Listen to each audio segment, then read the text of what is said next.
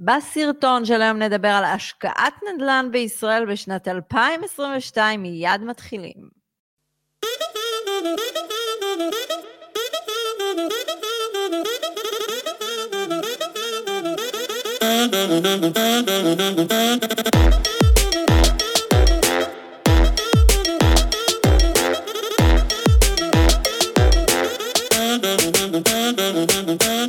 שלום לכולם, עדי בן אדר דהן, רוני אגה, צוות Family Exit, מובילים אתכם בתהליך אימוני, רווחי ועוצמתי לבניית תיק נכסים מניב, ניתן לעקוב אחרינו ביוטיוב, בספוטיפיי, בדף הפייסבוק וכמובן באינסטגרם, שם אנחנו אפילו מגיבים. אם עדיין לא נרשמתם לרשימת תפוצה שלנו, למטה ב description יש כמובן לינק, שיחת ייעוץ גם לינק, והכי חשוב רוני, הקורס אונליין שיצא, שילמד אתכם באמת אה, הרבה כלים בעולם השקעות לא, נדל"ן. את יודעת מה מסיח את uh, דעתי? אני אומר, uh, איך את ככהנת uh, עצמאות כלכלית חזר לגור אצל ההורים? ראית איזה פדיחה נעשתה פה? תראה, אמרנו נצא מהבית, והתזמון של הדברים לא יצא מאה. עכשיו, היה למזכיר הקודם שלי מישהי שכבר רצתה להיכנס, אז לא רצינו לדפוק לו, כי הוא אה, העלה את השכירות לשכירות שוק. כאילו, תחשוב, אני שילמתי 3,200, הוא פתאום קיבל מישהי ב-4,400. לא רציתי כן. להרוס לו, אז אמרתי, יאללה, נו, אה, זורמת עם העניין. אה, ואז אמרתי לה אם היא מוכנה לקבל אותי לשבועיים, אז היא אמרה שכן. וזהו, ביום חמישי הקרוב אנחנו ניכנס כבר לבית החדש. תקשיב, זה, היה, זה, זה מאוד קשה, אני חייבת לציין. כן, זה... זה... זה מוציא ממני כל כך הרבה דברים, אתה יודע, נפשיים. ממני, מהילדים, אה, יניב, ההורים שלי, זה לא פשוט. יש בזה יתרונות, שאתה יודע, אתה בבית, ויש את הארוחות המשפחתיות ביחד. כמה זמן כבר יש לנו לעשות ארוחות משפחתיות? בקיצור, רוני, לא פשוט, גיל 37 לעשות את המהלך הזה, אבל מצד שני, אין איזה ברירה יש לגור בתור, אה, בתוך אתר בנייה, זה גם לא... תשמעי, נכון, אבל זה חלק מה שאנחנו באים ומספרים לכולם. אנחנו כל הזמן אה, כמשקיעים אה, נאבקים בקשיים, לא הכל הולך חלק, יש בלת"מים, אבל מה שאנחנו רואים זה את התמונה הסופית, ו... הדרך לפעמים קלה, לפעמים נוחה, וברוב המקרים רצופה בקשיים. אגב, זו הסיבה שלא העלינו ברציפות uh, סרטונים ופודקאסטים. זה מאוד קשה לא להיות בפינה שלך, תשים לב, גם הרקע שלי שונה, זה לא הרקע של כן. הבית. אגב, זה אבא שלי צייר, זה אבי פסנה שלו, הוא מצייר מלא תמונות פה, אז... אבל בסדר, אני אודה להורים שלי שהסכימו בכלל uh, להירתם למהלך הזה, ולקבל נכון. אה, ארבע פסיכים לבית שלהם. אני okay. אוקיי. באמת צריך לשוחח איתם על זה, כי אני במקומם הייתי עובר לדירת סטודיו. כן, אימא שלי שמעה את זה שאמרת. אה, לא נראה לי ש... אין סיכוי שהייתי עובר את זה. אין סיכוי. אני לא יכול להחזיר את הגלגל לאחור. זה נכון, אני מסכימה איתך. אוקיי, תראו, היום בסרטון שלהם מאוד חשוב לנו להביא איזשהו פן טיפה אחר. אה, לכיוון השקעות נדל"ן, משהו שאולי אה, לא חשפנו עד היום, אבל אנחנו באמת רואים איזושהי התעוררות מהצד שלנו ונכונות מהצד שלנו כלפי המתאמנים שלנו, אה, שבאים עם לא מעט הון, יש כאלה שבאים עם לא מעט הון, יש כאלה שההורים שלהם שמים איזשהו, אומרים להם, אני אתן לך מתנה, אבל רק אם תשים את זה במדינת ישראל. כל מיני תנאים כן. והגבלות, אני מרגישה כמו בנק ישראל שנותן תנאים והגבלות, ואני ואתה צריכים לדחוף אותם למהלכים האלה, ולהראות להם את הדרך הנכונה בהשקעות נדל"ן, גם בשוק הפסיכי שאנחנו נמצאים בו היום במדינת ישראל. זה כאילו, רוני, אנחנו מזוהים כלא אוהבי שוק נדל"ן במדינת ישראל, זה דבר שהוא לא נכון. הוא לא נכון לחלוטין. תראי, אה, אנחנו משקיעי נדל"ן, אנחנו בונים תיק נכסים שמביא אותנו לעצמאות כלכלית, לחופש בחירה. מלכתחילה אנחנו שמנו מספר אה, הגבלות אה, היכן אנחנו פועלים. אז אנחנו קבענו שאנחנו פועלים בשווקים מערביים, במדינות דמוקרטיות, בכלכלות שמפותחות מהבחינה הכלכלית הן מובילות, מפותחות, שכר עבודה, השכר ממוצע יחסית בינוני ומעלה, אז אני חושב שישראל בגדול היא עונה על הקריטריונים האלה, אבל השאלה הבאה אם uh, הגיוני להשקיע כאן. וזו שאלה שהיא מאוד מכלילה, היא מאוד מכלילה. למה? כי אנחנו באים וקובעים באיזה תנאים כן כדאי להשקיע. אז בואו אז בוא לאט לאט, לפי נקודות, נעשה את זה בצורה מסודרת. לפני כן אני רוצה להגיד משהו. Um, בגלל שהשוק פשוט יצר, הסייקל נדל"ן נוצר עיוות בו. עיוות במשך הזמן מהציפייה לעליית המחירים, פיק וירידה. אנחנו לא רואים את זה. כי אנחנו לא רואים את זה מהמון סיבות, בעיקר סיבות שהן מלאכותיות. אוקיי? אבל לא רק בישראל. לא רק בישראל. אוקיי. ומפה אה, אני ואתה חלחל לנו יותר הנקודה שהצעירים שמגיעים אלינו, ובכלל מי שמגיע אלינו, נורא חשוב לנו לתת את ה... לתת איזשהו גידור לעלויות בארץ. עכשיו, אנחנו חייבים לציין משהו, אנחנו ניתן פה מספר נקודות, אתם לא צריכים לתפוס אותנו כמובן במילה והכל, עם המתאמנים שלנו, שאנחנו כן בונים איתם את הדבר הזה, אז זה לא שאנחנו עושים את העבודה, הם עושים את רוב העבודה, אנחנו מנחים, אבל אנחנו כן עוזרים עם המימון בארץ ועם המון דברים שנורא חשוב לנו לתת עליהם דגש. אני חושבת שזה פתח אותי ואותך אפילו להפיק שלא חשבנו שאנחנו אה, נאמן בו, אפשר להגיד. נכון, אבל תראי, אה, אנחנו כמשקיעי נדל"ן, אה, מה שחשוב לנו זה השורה התחתונה.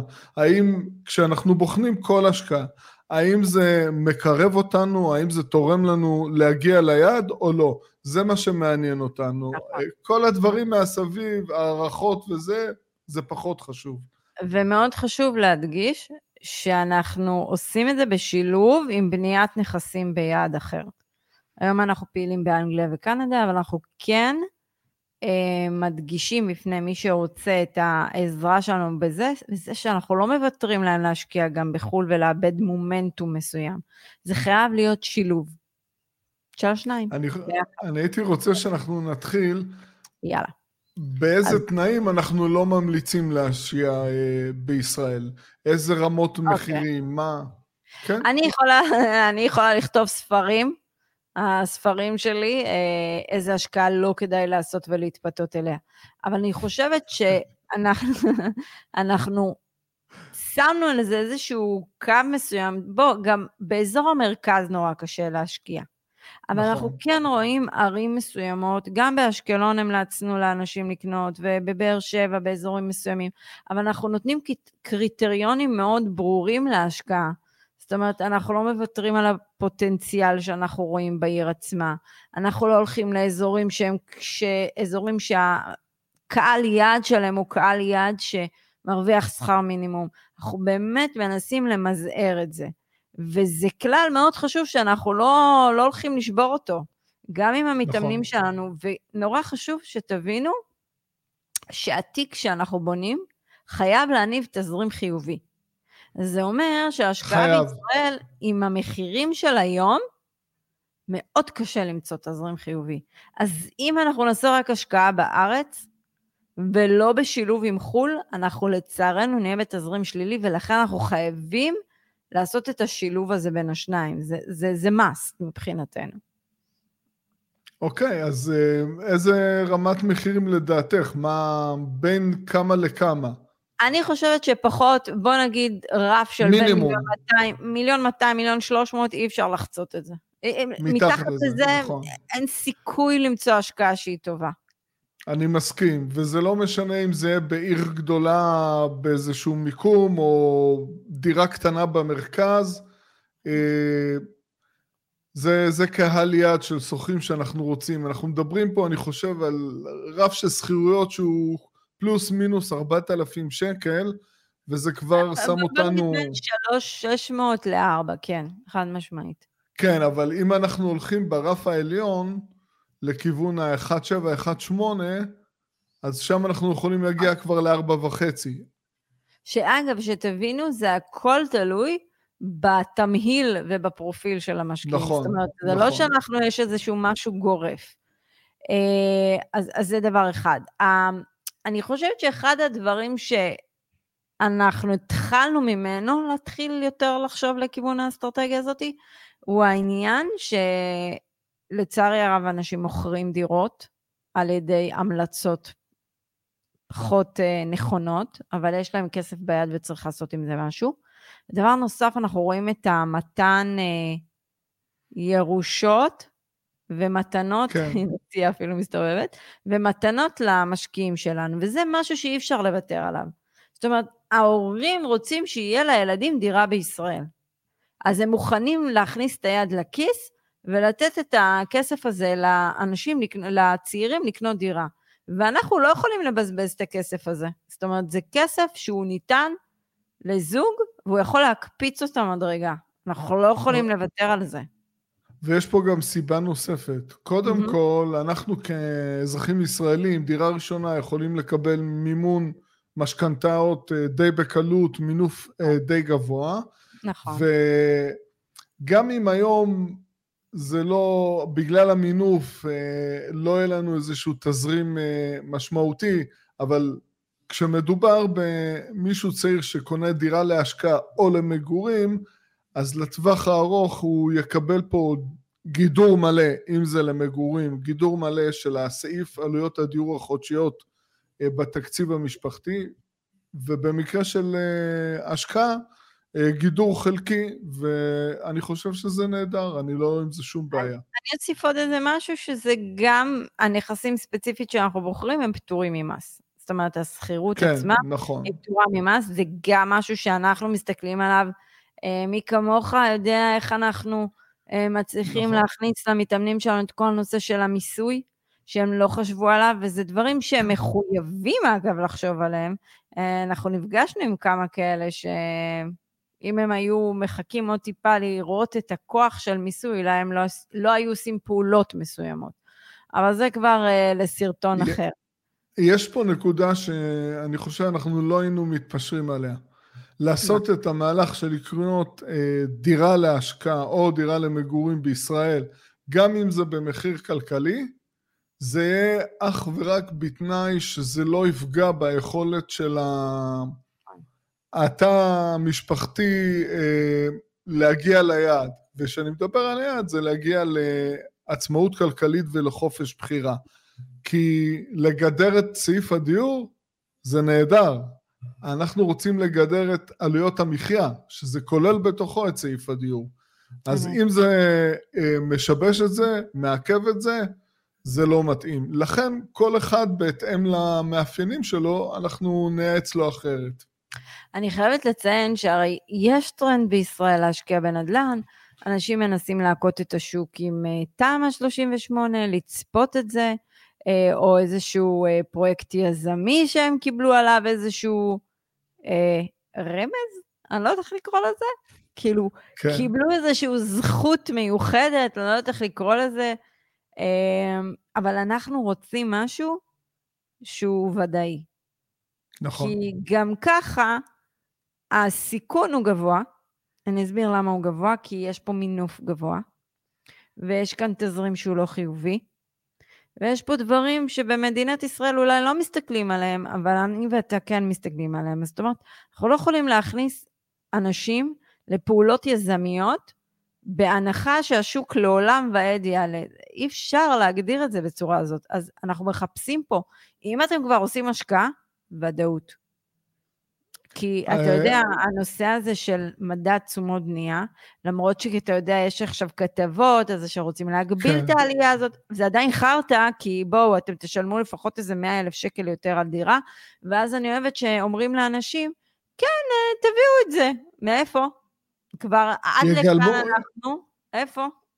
היזמים יגלמו את זה במחיר הדירה, הם לא יפילו את הסיכון על עצמם. אם הם חושבים שזה הולך לעלות ויבטלו להם חלק מהתשומות הבנייה, הם גובים היום תשומות בנייה גם על מחיר הקרקע, אז uh, הם, יגב, הם uh, יגבו את זה במחיר הדירה, במחיר אז המכירה. בגלל זה אני אומרת, למה להתחכם? תביא משהו מוכן. אתה כבר נזיל, נגמור את הסיפור, בוא נקנה משהו שיניב מעכשיו הכנסה. אני, אני רוצה לומר משהו. אני כבר עם uh, שערות לבנות על הראש. אני משקיע בנדל"ן משנת 99. אני רוצה לגלות לכולכם סוד. לא צריך להתחכם. ההשקעות הסולידיות, הכי פשוטות, עובדים לפי הספר, פועלים נכון, עם מימון uh, מדויק, ובטווח זמן בינוני ארוך זה עובד ביג טיים. לא צריך להתחכם. אוקיי, okay, אז, אז בואו נסכם את הפרק הזה. אנחנו לא נגד השוק בארץ. אגב, כל אלה שמגיעים לנו מתאמנים, יש המון מהם שכבר יש להם דירה בישראל, אנחנו נכון. פשוט עוזרים להם למצות את הפוטנציאל. אבל אנחנו כן חושבים שחייב היום לגדר את עלויות הדיור. זה לא חייב להיעשות במיידי, זה כן צריך להיות עם ראייה לטווח רחוק, אה, אבל כשיש לכם מתנה, אי אפשר להגיד לה לא.